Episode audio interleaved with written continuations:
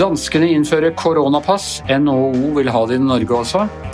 Og SV og Fremskrittspartiet er like store på meningsmåling. Det er seismiske skifter på gang i norsk politikk. Dette er Gjever og gjengen. Det er onsdag den 3. februar.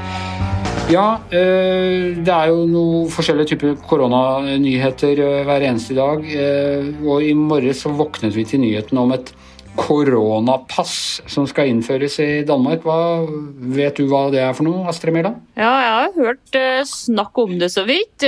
Det er da Danske myndigheter vil særlig bruke i næringslivet. Et vaksinepass, da, eller et koronapass som viser at du er vaksinert. De har det bl.a. i USA allerede, og EU snakker om det. Og jeg vet at Norge og norske myndigheter òg driver og lurer på det. Eh, det handler jo om at eh, når du er immun, så skal du få litt mer frihet. Eh, du skal få reise kanskje og um, omgås bestemor. Men, Alle 90-åringene skal nå få lov til å gå og handle på Ikea som bare de har med seg koronapasset sitt? Ja, nå har jo danskene kommet litt lenger enn oss da, vet du, med den vaksineringa. Så det er ikke bare 90-åringer som er vaksinert, det er òg litt yngre folk. Men det er jo nettopp det at det er litt tidlig det her, da, vet du, å vite hva den vaksinen fører til. I Norge så kom det jo i forrige uke nyheten om at de vil kutte ut det der unntaket som de har i reglene i dag, om at de som har hatt covid-19, slipper karantene. Så her i Norge går vi jo egentlig i praksis en litt annen vei, og grunnen til det var at um, mutasjonene kom, og de tror kanskje det at uh, Uh, ja, du kan bli smitta uh, med en ny variant av uh, korona, sjøl om du har vært smitta før. Det viser jo de siste undersøkelsene fra Sør-Afrika, der um, flere tusen ble testa med en av disse siste vaksinene, og en tredjedel av dem har hatt covid-19 fra før, men mange av dem ble smitta på nytt av den nye mutasjonen. Ja, Vi kan ta det litt etter hvert, for først og fremst lurer jeg på, Hanne Skartveit. du du har jo vært litt kritisk til en del av de mer hva skal du si, drastiske tiltakene. Hva mener du om dette? Gå rundt med identifikasjonspapirer på den måten. Er vi tilbake på 30-tallet i Tyskland? på ingen måte. Og det er ikke sånn at skal gå rundt med papiret på som fremviser, det er vel for å kunne krysse landegrensen og kunne, kunne reise. Eh, sånn som jeg har forstått dette, Astrid, det kan du langt bedre enn meg. Ja, det måtte man vel også i, i Tyskland på 30-tallet for å kunne bevege seg fritt. Og... Du må ha pass for å gå og krysse landegrensen uansett. sånn at det å, Jeg tror det er et veldig behov for å finne løsninger for å kunne bevege seg over grensene og på en måte kunne reise noe friere enn det det kan ligge an til, så ikke alle må skalke alle luker. Både av hensyn til handel, av hensyn til reiser, av hensyn til hele det åpne samfunnet. Sånn at eh, jeg har ikke tenkt, Det, det var jo kom nytt i dag morges, jeg har ikke tenkt veldig grundig gjennom Anders, alle prinsipielle sider rundt dette. Men eh, jeg får ikke samme magefølelse på det som jeg fikk på dette forslaget om portforbud, som vi jo diskuterte heftig du og jeg sist, hvor du var rene eh, politistatmannen mens jeg var anarkisten. Uh, nei, ja, men jeg, jeg, bare lurer på, er, er ikke dette litt i, i samme gata. Hvis du da får en uh, egen klasse av folk som da er blitt vaksinert, og som kan bevege seg friere, gå på kjøpesenter, drikke ute på puber, ha en rekke privilegier som ikke-vaksinerte ikke har. Jeg er eldre enn dere to, så jeg får vaksinen før dere. Så det er ikke min egen syke mor jeg klager for her. Altså, Vi skal ønsker jo å, øh, å, vaksinere folk ganske mye, eh, så mye som mulig. Og det er jo det er veldig mange av de tiltakene vi har i koronas tid som vi aldri ville akseptert under andre forhold. Det er jo en situasjon hvor vi rett og slett bare må ty til virkemidler som vi ellers ikke ville hatt. Og dette går kanskje også inn i den uh, kategorien. Men hva tenker du, Astrid? Så langt så har jo ikke sånne digitale Eh, løsninger funka så veldig godt. Den her smitteappen, som han også var skeptisk til, eh, den har jeg lydig installert her, og den har ikke sagt et kvekk siden den ble installert. Det hender jeg går inn for å se om den fortsatt lever, og da står det 'du har ikke vært i nærheten av noen smittede'. Så eh, er disse digitale sporingsløsningene egentlig vært noe som helst? Altså Den digitale løsninga vet ikke noe om det er ikke kommet ut noe om, eller hvordan de skal løse det, men det er det minste problemet. Det er jo den prinsipielle diskusjonen som, som, er interessant her. og Tidligere, i hvert fall når jeg har snakka med, med, helsemyndigheter etter de forskjellige pressekonferansene, og sånn, så vet jeg at de jobber med det og har sett på det, men at de òg ser at det er mange praktiske problemer, men òg prinsipielle. Hva med dem som f.eks. ikke tåler en vaksine? Hva skal vi gjøre med dem? Um, og så er det jo for så vidt forskjellsbehandling allerede i dag, da, på samme måte. altså Den herskerklassen som, som fikk korona i mars, da, de har jo altså da fått lov til å reise inn i Norge uten karantene helt fram til nå. Da, så vi har jo gjort forskjell på det. Um, I USA så, så, har de kommet lenger. Vi får se hvordan de har gjort det der. Det må jo gå an å løse det rent praktisk, men det er jo altså den usikkerheten som fortsatt hersker omkring eh, smittsomhet, da, og hvor mye smittsomhet vaksinering hindrer. Um, det kan jo være farlig for, eh, for en i risikogruppe å møte en vaksinert. Du vet ikke, du har ikke noe, garanti. Men um, jeg tipper at vi på sikt sikkert får det her i Norge. Det virker som de fleste land vi sammenligner oss med, arbeider med det, men at det er en del sånn Eh, etiske og sikkert praktiske problemstillinger som må gjennomgås først. Men det vil jo da nødvendigvis gjøre at vi må bli raskere og, og, og få fortgang i, uh, i uh, vaksineringa. For at dette skal både praktisk være noe vits i, og, og for at det ikke skal bli for urettferdig. Og hvordan, hvordan, ligger det an? Nei, altså Det ligger jo kjempedårlig an. Vi driver med sånne akademiske diskusjoner om Oslo skal få først, og Båtsfjord og Gamle og menn og kvinner og vet ikke. Men altså, det er jo ikke så interessant, egentlig. fordi at uh, Hovedproblemet er at vi har altfor lite vaksine, så vi er jo ikke i nærheten av å ha nok til å vaksinere hele Oslo uansett. Um, så det må jo løses først, da. Det er jo kjempeproblemer i EU. De har jo virkelig dumma seg ut i håndtering av vaksine de siste. Men så kan det jo godt hende at uh, når det her kommer på stell Det var jo for så vidt varsla på forhånd at det kommer til å bli mange humper i veien når du skal sette i gang et så stort uh, logistikkprosjekt som det her er. Uh, det har ikke vært vaksinert så mange i verden noen gang tidligere. Um, det kan godt hende EU kommer sterkt og godt tilbake når de får bare disse leveransene fra f.eks. J&J og AstraZeneca kommer seg opp igjen. Det, det får vi håpe på, men, men, da blir det vel litt mer aktuelt å diskutere det. Ja, vi er jo i et veldig veldig ukjent landskap hvor vi må huske at sant, den vaksinen vaksinen er utvikla på kortere tid enn noen annen vaksine noen gang i verden. Det er, eh, Vi ligger lavt på smittetall, lavt på alt. Det er, eh, selv om vi nå opplever ting som dramatisk og vanskelig, så tror jeg at vi at er, I ettertid så tror jeg man kan si at det er ganske gode nyheter, tross alt, selv om ting går litt sakte med vaksinasjonen her og sånne ting. Er dette Kommer vi til å liksom trekke litt på skuldrene av denne perioden når det har gått et halvt år? At det er, liksom, det er bare en propp i systemet, og så på relativt uh, rask tid så, så, vil vi ta igjen de andre landene, tror du Astrid? Det vet jeg ikke. Nå har eh, FHI akkurat levert to scenarioer som er kjempepussige å lese. Der de har ett der, som heter 'Der det meste går ganske galt', eller 'det meste går galt', og det andre er 'Der det beste, meste går godt'. Så det er nesten umulig å si. Uh, per tid, nå så ser det ut som Problemet er at det er noe virus eh, nede i Belgia som skal brukes i vaksinen til AstraZeneca, som ikke vil formere seg. Det er jo helt utrolig paradoks. Noe sjimpansevirus eller noe sånt? var det det? Ja, og det er jo vanskelig å forutsi sånne ting, da, selvfølgelig. Så eh, får håpe at det kommer på stell. Det overordna er at det egentlig er fantastiske nyheter nå. Sputnik eh, kom i går, den russiske vaksinen har levert inn eh, Eh, papirene sine ser kjempeeffektive ut. Altså det betyr at vi til sammen har seks vaksiner som har vært gjennom kliniske, store kliniske forsøk. Ingen av de som har blitt vaksinert i vaksinearmen av forsøket, har dødd av covid-19. Det er kjempebra.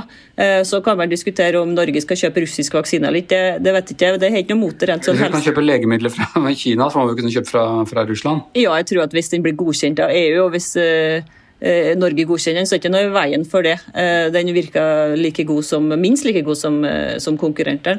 Så det kan være en løsning. Altså, jeg tror at verdenssamfunnet fortsetter å finne på løsninger på det her, men vi er på en liten hiccup akkurat nå. Av det, En annen positiv effekt av dette med Russland er jo at selvfølgelig er veldig mange av vaksineskeptikerne det er jo de samme som driver og uh, lar seg fòre av nyheter fra, fra russisk propaganda, så nå blir de kanskje vaksinetilhengere som følge av den så fremt det er Sputnik-vaksinen de får, Hanne? Ja, det kan man jo håpe. Nå er det jo veldig mange vaksineskeptikere også i Russland, som kanskje gjør at de får enda større lagre som de kan eksportere fordi at russerne selv ikke ønsker å ta dem. Det er kanskje også en fordel for oss? Det er så vinn-vinn-vinn dette her at det er, det er, nesten ikke til å tro. Ok, du, vi skal snakke litt altså, Koronaepidemien har jo snudd opp på, ned på veldig mye rart. For et år siden Det er mange år for det. Ja, det er mange år for det Det er mange rare effekter av det. Altså, eh, for et år siden så gikk altså Fremskrittspartiet ut av regjering.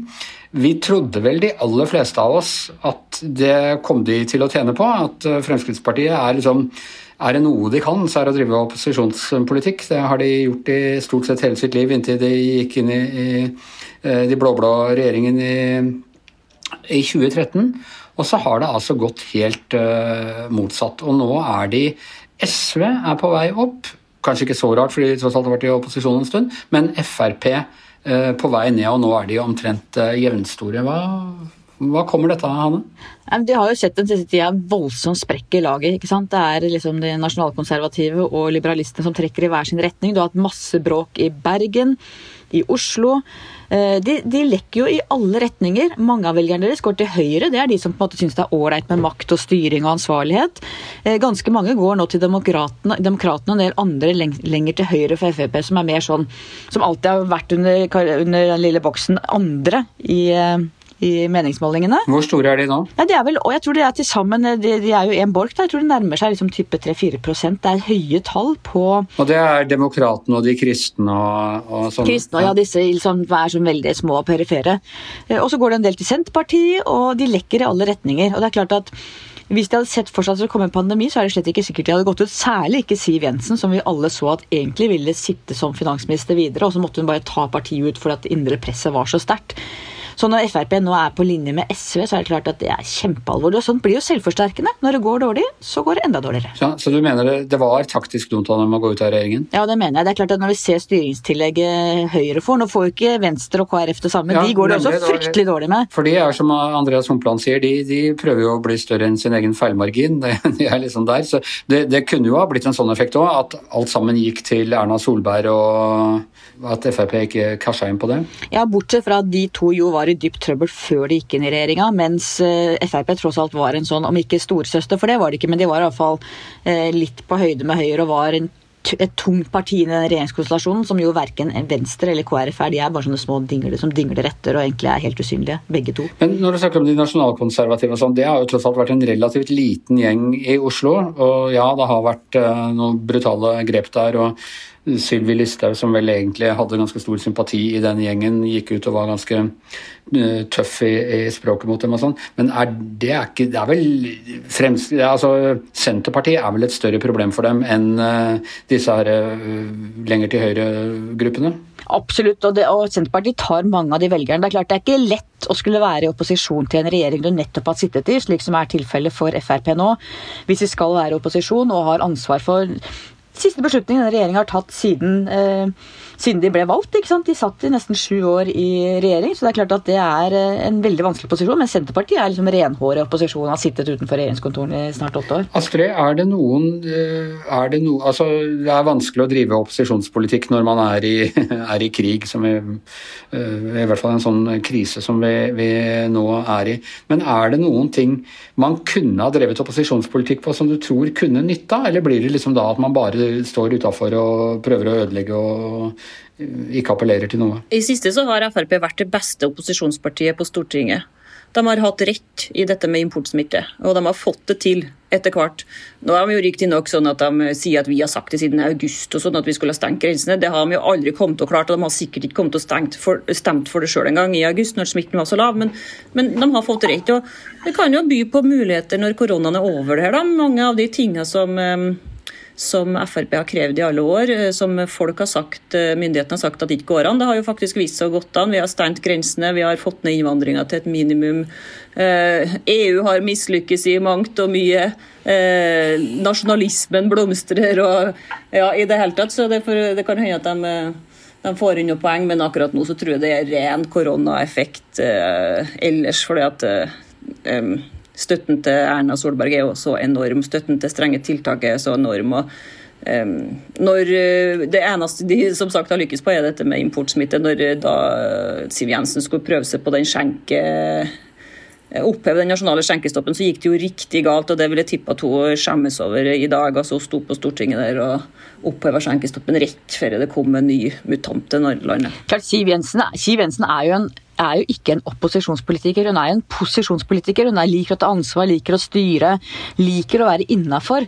Sånn for henne er det litt naturstrid å plutselig være den hissige som står utenfor og kritiserer en regjering hun selv har vært del av. Hun er jo født opposisjonspolitiker, da. jo da. Men hun, si hun er, er født og oppvokst som opposisjonspolitiker. Men hun er blitt veldig integrert i makten, man kan si det er en vellykket integreringspolitikk fra Erna Solbergs side der. Men du, vi må ta en annen ting på, på tampen der også, uh, Hanne. For i, i, forrige uke så begynte du, som jeg regner som en av mine mer rasjonelle venner og kolleger, begynte å si at du begynte å føle på deg at det nå kom til å gå litt bedre for uh, Arbeiderpartiet. Hæ? Hva er du, er, liksom, er du sånn fornemmelser? Skal du starte sånn fornemmelser for politikk ja, her? Sånn. Sannelig fikk du rett. Noen dager etterpå så kom det da målinger som viste at da Vi kan ikke akkurat si at jeg er tilbake til gammel storhet, men, men det er i hvert fall Eh, at det går bedre for Arbeiderpartiet. Hva, hva skilles det midt oppi alt dette? Nei, Jeg skrev en kommentar jeg skrev at det kan snu, nå kan det lysne. Og jeg tok en hel masse forbehold om hvor dårlig stelt det egentlig er. Um, men det var helt rett. Og jeg skrev også at det kan være et blaff. Uh, men nå har det vært flere målinger denne uka som viser at Arbeiderpartiet har gått bitte lite grann opp. Nei, jeg mener å se en litt annen Jonas Gahr Støre enn det han var i begynnelsen da han kom inn som Ap-leder. Han er på en måte mindre cocky, mindre suveren, mer på bakken og er en mann som du ser at har har, eh, stått i mange nedturer og faktisk tålt dem. Nei, det er, som sagt, det er eh, var en oss er blitt liksom kvinnelig Snåsa-mannen. Eller prøver å være det. Men, eh, men jeg, jeg syns jeg er et slags stemningsskifte, muligens, rundt Arbeiderpartiet. Som som sagt kan være et blaff, men jeg tok nå sjansen og skrev det, Anders. Men kan ikke du ta en Snåsa for oss nå, da? Og si Nei. hvor store blir Arbeiderpartiet det får meg ikke til, Anders. etter valget? Ok, så Snåsa vil du ikke Astrid sitter og flirer. Ja, jeg tror du så synere, Hanne, når du, når du sa at du Eh, så eh, bedringer for Arbeiderpartiet, men det kan hende du har rett. Jeg har vært så opptatt av korona i det siste at det kan hende at det er noen tegn der som ikke jeg har sett. De er små i tilfelle. Jeg kan ha tatt fryktelig feil altså. Men jeg tenkte når man tenker det, så skal man skrive det. Ok, eh, med de profetiske ord så er Giæver og gjengen over for denne gang. I hvert sitt hjemmestudio Hanne Skartveit, Astrid Mæland. Jeg heter Anders Giæver, og mannen som har forutsett hver eneste podkast fra denne gjengen, er vår produsent Magne Antonsen. Vi høres igjen i morgen.